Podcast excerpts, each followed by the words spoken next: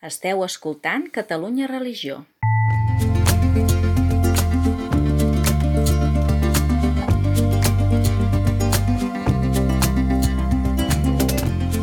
Converses en la frontera, un podcast de Gabriel Jaraba i Xavier Morlans.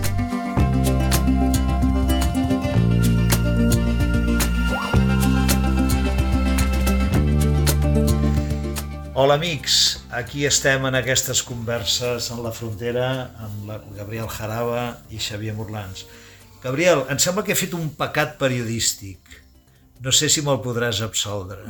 Bé, eh, és a dir, el perdó sempre està disposat per les ànimes humils. Perquè a mi em sona que hi ha, no sé si ho ensenyeu a les facultats de periodisme que diu quan comencis un programa a ràdio o d'àudio no l'escoltis fins que no em portis 10 o 12 per no frenar l'espontaneïtat. I jo confesso que m'he escoltat els quatre podcasts que acabem de fer a consciència.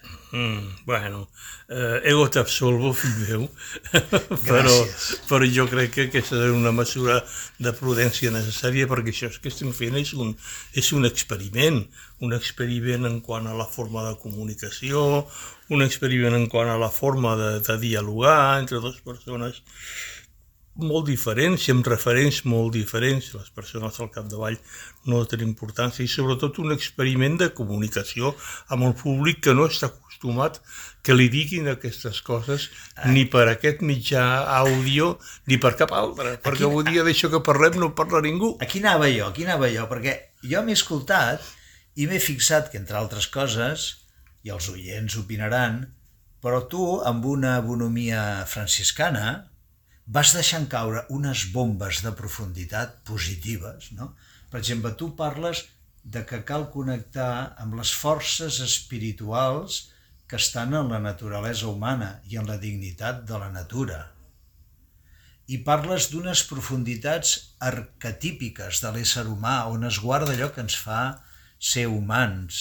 Tot això ha sortit a propòsit de, de, de, de la melodia, a propòsit dels protestants que enyoraven un papa acceptable, mm, no? que és una figura arquetípica. Escolta, què, què, què vols dir amb tot això d'aquestes profunditats arquetípiques? I tu això d'on t'ho treus o com ho has anat descobrint?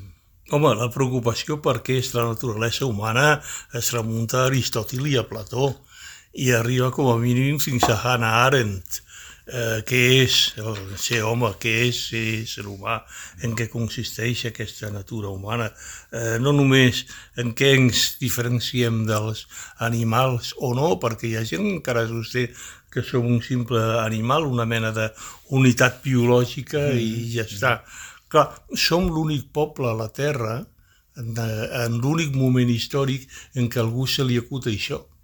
És a dir, mmm, aquesta manera de pensar que nosaltres donem per tant assentada i per tant feta, som simplement uns humans que estem aquí de passada sense cap més transcendència, doncs això no, no ho ha pensat mai ningú ni ho pensa mai ningú a la majoria de la humanitat. I, I per què els hi agafa urticària avui dia molts pensadors i creadors d'opinió quan senten parlar de la naturalesa humana i, i es reboten?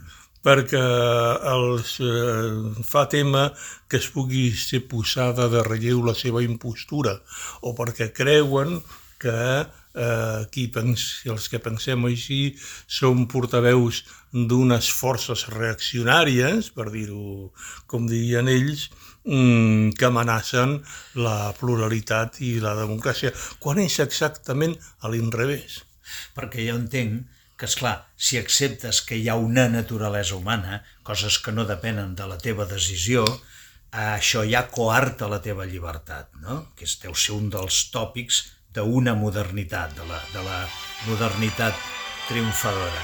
Aquesta pretensió de que som eh, la pera amb vinagre eh, és una pretensió també molt, mm, molt singular. És a dir, per exemple, a veure si ho sé explicar. Eh, mm, tu i jo i cada persona de les que som aquí presents en aquesta, en aquesta conversa, que esperem que sigui molt, ens veiem a nosaltres mateixos com a una, mm, singularitat, eh? sense ha construït la mentalitat de que som uns eh, i que som únics, la qual cosa és veritat, no hi ha dos ADNs que siguin iguals, no hi ha dues eh, empremtes digitals eh, que siguin iguals. Cada persona és única i irrepetible, però al mateix temps som membres d'una cadena d'unió, per dir-ho d'una manera, d'una cadena eh, solidària i una cadena amorosa que s'estén fins a on no podem recordar. Mm, per a que una persona sigui present aquí fan falta un pare i una mare, fan falta eh, dos avis per cada cantó. I fan falta tants besavis i així anar progressant geomètricament fins al temps immapurable. Si un és mínimament sensat se n'adona que un no ha arribat aquí perquè sí ni per casualitat, això és una absurda idea existencialista. Un és aquí per una cadena d'amor humà eh, i per una cadena eh, que és eh, precisament l'expressió d'aquesta naturalesa humana, que és que, com més que reproducció biològica, és simplement un, eh, una tradició, és a dir, un, un, un, un portar d'un lloc a un altre, un transmetre, una transmissió d'aquesta espurna d'amor. Per tant, diríem que a la modernitat, aquest moviment que arrenca fa 300 anys i que reivindica el joc, que en part això era necessari, perquè potser una certa tradició, allò que en un poble tothom sap on vas i on què fas, i, i un dret a l'autonomia hi és, però hi ha hagut una desvinculació d'aquest sentit del, del fet de sentir-se fill d'una cadena. Clar. Eh, seria la tradició, seria la humanitat que t'ha precedit, no? l'arbre genealògic. Sí, sí, simplement la família. Ens fixem en un poble com un poble japonès o com alguns sectors xinesos, eh, l'altar familiar on hi ha les fotos sí. dels avantpassats. Hi ha un veritable culte als ancestres que en alguns casos és exagerat, perquè evidentment eh, clar, és una paradoxa, tota la vida és paradoxal, no? És a dir, ha d'haver-hi aquesta adhesió al reconeixement de que som fills de la nostra família i alhora ha d'haver-hi una capacitat de trencar amb, amb els condicionants i amb els, i amb els antecedents per construir una vida personal i grupal eh, nova, formar noves famílies i formar nous referents d'amigabilitat, no? però eh, des dels pobles més primitius a l'Àfrica o a Sud-amèrica eh, fins als pobles asiàtics, tots els pobles creuen i veneren, si cal dir-ho, els ancestres i es recolzen a sobre, a sobre d'ells i es veuen a si mateixos com a portadors d'aquesta herència i, de, i no solament d'aquesta herència com una càrrega passant, sinó d'una protecció. Nosaltres hem oblidat i hem llançat a les escombraries la protecció dels nostres ancestres. I venerar els ancestres em fa pensar que una de les maneres de connectar amb aquesta profunditat, amb aquestes arrels humanes, són els rituals. Exactament. Eh, els rituals eh, que estan eh, incardinats i estan inscrits amb, amb tota una, una tradició universal, m'atreviria a dir que universal, tot i que adopta formes diferents segons les cultures, i que això l'antropologia ho ha estudiat molt, també la, la, dita, la psicologia dita de les profunditats, Carl Gustav Jung i els seus eh, successors, eh, i que això un antropòleg com Joseph Campbell eh, ho ha estudiat molt. Del treball de Joseph, de Joseph Campbell han sortit coses com la guerra de les galàxies, Clar. on si no va aprendre George Lucas quin era el constructe mític que havia d'adreçar no? per, per tirar endavant això. Escolta, i a propòsit de rituals, n'acabem de tenir un de sonadíssim, no? Sonadíssim i espectacular. Tu te'l te l'has mirat? De d'alta baixa, primer minut fins a l'últim. La coronació del rei Carles III, que ara deixant a banda si són monàrquics o republicans, però analitzat com a fenomen, no? Te'l vas, te vas mirar tot en viu? Me'l vaig mirar d'alta baix des del primer minut fins a l'últim, perquè teníem davant el nostre, davant d'aquesta audiència global, eh, un espectacle no d'un altre temps, és a dir, la cerimònia medieval de coronació i consagració d'un rei, sinó tota una exposició mítico-simbòlica de justament d'aquestes coses que avui dia busquem i no sabem trobar. No perquè aquest ritual hagi de, de significar o simbolitzar la legitimitat d'un rei o d'un regnat, sinó perquè estaven aplegats amb una cosa tan escandalosa com la, com la col·lisió total eh, entre la, la coalició total entre Església i Estat, allò de l'espasa i la creu que sí, dèiem, sí. doncs mira, així ho teníem davant, davant dels ulls, però amb una sèrie de mm, determinants molt interessants i de, i de condicionaments. Tots aquells, no hi havia cap d'un d'aquells símbols que fos sobrer i n'hi havia cap cosa que no fos simbòlica. Per exemple, quan entra la comitiva a l'abadia de Westminster, eh, qui porta la bola del món, l'Orbs, eh? Uh -huh. eh, és un, una esfera eh, coronada per una creu, és eh, una senyora. I aquella senyora és una senyora de raça negra i és una senyora que és de professió infermera, membre del National Health Service, de la sanitat uh -huh. pública eh, eh, britànica, tan durament eh, menys tinguda i malbaratada i destruïda per als governs de, Marga, de Margaret Thatcher i posteriors. No? Si això no és un signe, eh, ja em diràs que ho pot ser, no? Però és que, a més a més, ens trobem en coses on estan curioses, com, per exemple, que amb els de les parts directament religioses de la cerimònia, l'epístola de Sant Pau va ser llegida per un hindú, no per un cristià. El primer ministre Sunak. Rishi Sunak, sí. Dius, clar, aquí estem davant d'una un, circumstància no solament fruit de la, de la intel·ligència del propi rei Carles, que va intervenir fortament al, en el redisseny de la cerimònia, sinó de la calma i diria fins i tot de la patxorra de Justin Welby, l'arquebisbe de Canterbury, que no va, que no va perdre ni un sol moment eh, la calma eh, de, sí, de, i sí, el sí. domini d'aquella situació, sí, sí. la presència de la dona amb la bisbessa, bisbe femenina de Londres, dient també unes paraules evangèliques, i la presència d'altres líders cristians i d'altres confessions donant-li la seva benedicció al nou rei. Mm, clar, ostres, eh, a veure, si ara no, no tenim temps d'anar analitzant un per un els elements simbòlics, sobretot la regalia, és a dir, però per exemple, a mi em feia molta gràcia que en, en qualsevol moment tot el recorregut del, del rei donant voltes per la, per l'abadia, per, mm, d'un lloc a un altre, per anar tenent la, la, la, la, la, la cerimònia i les seves necessitats, anava precedit eh, per una noia sí.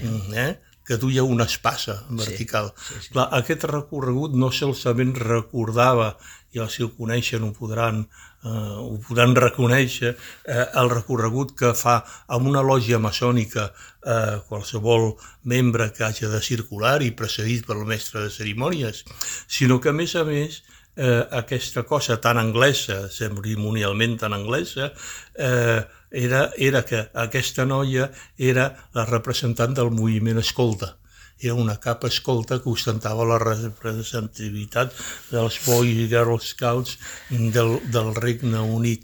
Clar, quan jo veig això, doncs què vols que et digui? Eh, M'entendreixo i veig que hi ha, més enllà de la forma monàrquica o republicana, una crida a, a una recerca a les profunditats, a unes tradicions i d'unes possibilitats que hi són aquí.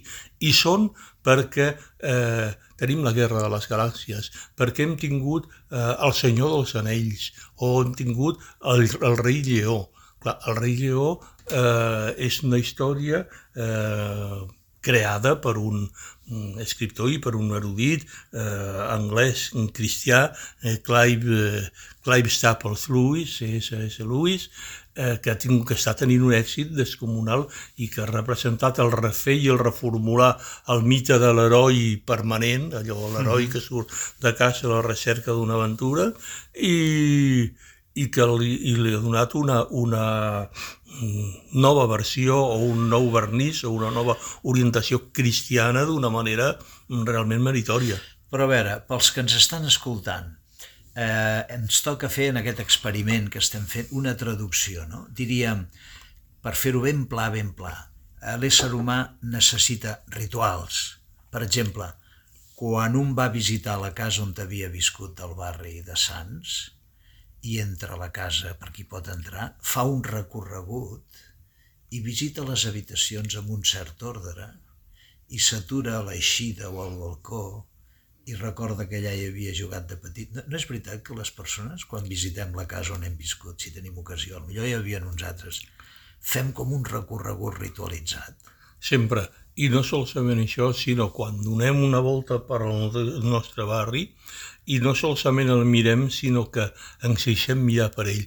A la cançó aquella de Serrat, de Per Sant Joan, Sí. on ell, quan torna al seu antic barri, eh, que és el meu, eh, diu que, que és vist com un cuc fugaç i passenger. Sí. Ah, eh, un, I un se n'adona que aquest passa el temps, les coses han estat, eh, ja no són, eh, que les coses són impermanents i que en canvi hi ha un fil conductor d'una manera de pensar i de sentir que li dona sentit en tot això i que fa d'alguna manera contactar amb aquesta arrel mítica d'aquestes visites o d'aquests recorreguts ens reforça espiritualment. Aquesta seria una, una idea bastant creïble, no? Necessitem, quan visitem el nostre barri, el nostre poble, o una casa de colònies on vam anar de petits, un paisatge, eh, eh, instintivament fem un recorregut i ens aturem en alguns punts, revivim un foc de camp, un enamorament, una, desco una descoberta important, una eucaristia a la, a la natura, i, i allò ens, ens col·loca, és com una fita, no? Sí, per això avui dia molta gent que ho confon amb un sentiment de nostàlgia o de- o d'enyor. Molts Sí. poetes eh, han tirat massa mà del concepte d'enyor eh, i jo crec que aquí hi ha hagut tenim un problema en la nostra cultura, precisament, ja de, de cara amb aquesta mena de mm, emocionalisme i de, i de pesadumbrisme, eh, que jo acostumo a dir sí. mal dit, no? És a dir, hi ha una tendència a la melanconia, hi ha una tendència a la tristor, mmm, que ve, personalment crec, justament d'aquest abandó i d'aquest trencament amb aquest esperit comunitari, per dir-ho d'alguna manera, i una recerca desesperada d'aquest relligament, d'aquesta religió, eh, d'aquesta cosa, d'aquesta... d'allò, no només, no tant del que va ser una vegada i tant ens va eh, impressionar i fer ser com som, sinó d'aquella intuïció de que les coses podrien tornar a renovar-se, de que les coses podrien tornar a ser. I en aquest sentit, tot l'acer mundial de contes, de llegendes, eh, de les contes revivats pels germans Grimm fins al propi Walt Disney, passant per la Guerra de les Galàxies i passant per la Senyor dels Anells, hi ha tota una tradició mm, literària i artística que ens està cridant contínuament eh, a dir compte que en qualsevol moment, si tu vols, eh, ets, podries eh, ser beneficiat de que les coses fossin eh, de nou noves. I eh, respecte als contes, i tornant a l'espectacle televisiu seguit per milions de persones de la coronació del rei Carles III, una de les figures és la figura del rei. Com podem fer una traducció que no vulgui dir ser necessàriament monàrquic d'aquesta figura arquetípica del rei? El rei som nosaltres. Ok. I el rei deu ser el líder positiu, Exacte. perquè una cosa que em va cridar molt l'atenció és que va sortir moltes vegades que li van dir, i ell ho va dir, eh, no has vingut a ser servit, sinó a servir. Mm -hmm. I ell ho diu, perquè jo no vinc a ser servit, sinó a servir, que això, és, això ve de l'Evangeli, no? Exacte. I Com s'entén és... aquesta figura del rei? Clar, el rei apareix, apareix en molts llocs, apareix eh, a, les cartes del tarot, per exemple, mm. un, un rei assegut amb el seu tron, i apareix a molts llocs, fins i tot també el rei amagat o el rei destronat, el rei pescador, per exemple, mm -hmm. no?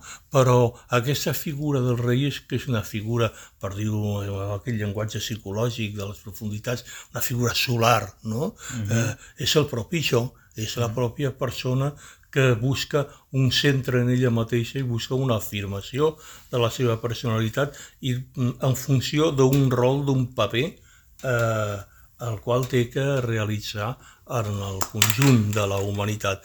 I d'aquí de ser eh, servir i no, i no ser servit.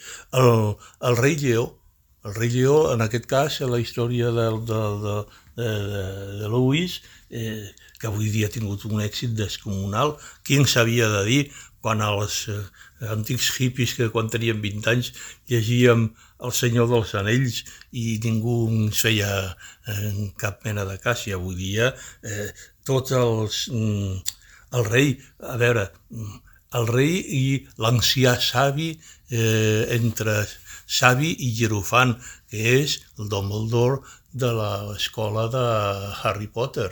Uh -huh. eh, Harry Potter és l'aprenent, és el jove mm, espavilat que se sent que busca el seu camí i no sap per on pot eh, tirar eh, però que podria... Eh? I, I els seus amics eh, que l'ajuden, eh? els amics del noi, l'amigo del chico de les pel·lícules sempre, sí, sempre sí. és un personatge importantíssim. I tots a la nostra vida, a la pel·lícula de la nostra vida, hem tingut un, un, un sí. amic del protagonista o ho hem estat nosaltres, sí. no? És el Sam el Sam, amic de Frodo, del Senyor dels Anells, que és, que és l'autèntic protagonista. Exacte. Per tant, el que diríem és que davant d'una cerimònia com la coronació de la Carles III o d'una pel·lícula com El Senyor dels Anells o El rei Lleó, hauríem de saber anar més enllà de la primera reacció epidèrmica que ens pot provocar, que ens pot, eh, ens pot venir la crítica de que és una despesa, que tot això és susceptible de ser cridat, però sembla que hauríem de ser capaços de saber llegir, de saber captar el, el, el, la lliçó positiva que es desprèn d'allà. No? Hauríem de ser capaços de deixar-nos interpel·lar per la realitat. La realitat no és només el que diu la vulgata socioeconòmica a l'ús. Mm. La realitat és allò que tenim davant dels nostres nassos i ens entestem a no comprendre i a no deixar-nos envair per ella. I aleshores jo dic que en aquest cas a Catalunya i a Espanya tenim un problema molt gran, que són un país, per mi Catalunya i Espanya són un, un país desarbolat eh, simbòlicament, per bé i per mal. Desarbolat simbòlicament en, en el sentit de que per la majoria de nosaltres eh, tot això no significa res. Bueno, I... perquè es va abusar molt dels símbols, no? Perquè el nacionalcatolicisme ah. va associar tant Jesucrist, la creu, a, a l'espasa i al Franco, que és clar, després ha vingut, hem vingut unes generacions que, que ens n'hem volgut alliberar d'això, però fins a quedar com analfabets. Com analfabets simbòlics, que és el que som tots, i també fets no només per, la, per, la, per el poder en, exercir, en exercici que ens volia destruir, sinó també exercit per nosaltres des de dintre com a poble per mort de supervivència. Hem llançat per la borda tot el nostre patrimoni simbòlic, familiar, grupal de sentit de classe. On és la consciència de classe? Ostres. Estava llegint ahir, aquí es reconeix membre de la classe obrera.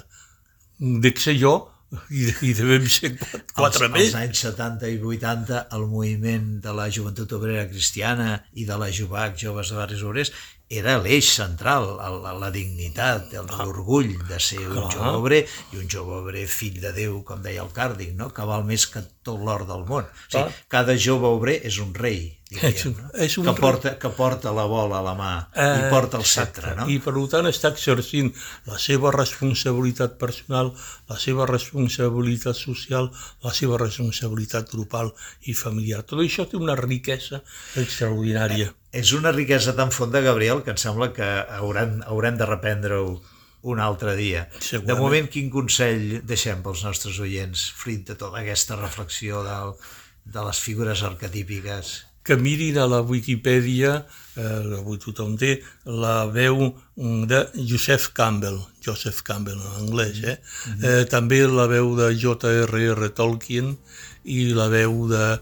Mm, de C.S. Lewis, i també la d'una psicòloga, psiquiatra eh, suïssa que es deia Marie-Louise von, von Franz, von, V-O-N, eh, Franz, F-R-A-N-Z, eh, on es veu, amb Marie-Louise von Franz, un desenvolupament molt més tardà i molt més profund de les possibilitats terapèutiques eh, amb el contacte amb aquestes imatges i realitats arquetípiques. Molt bé, amics, doncs aquí us deixem amb aquests deures. Fins la propera. Adéu-siau.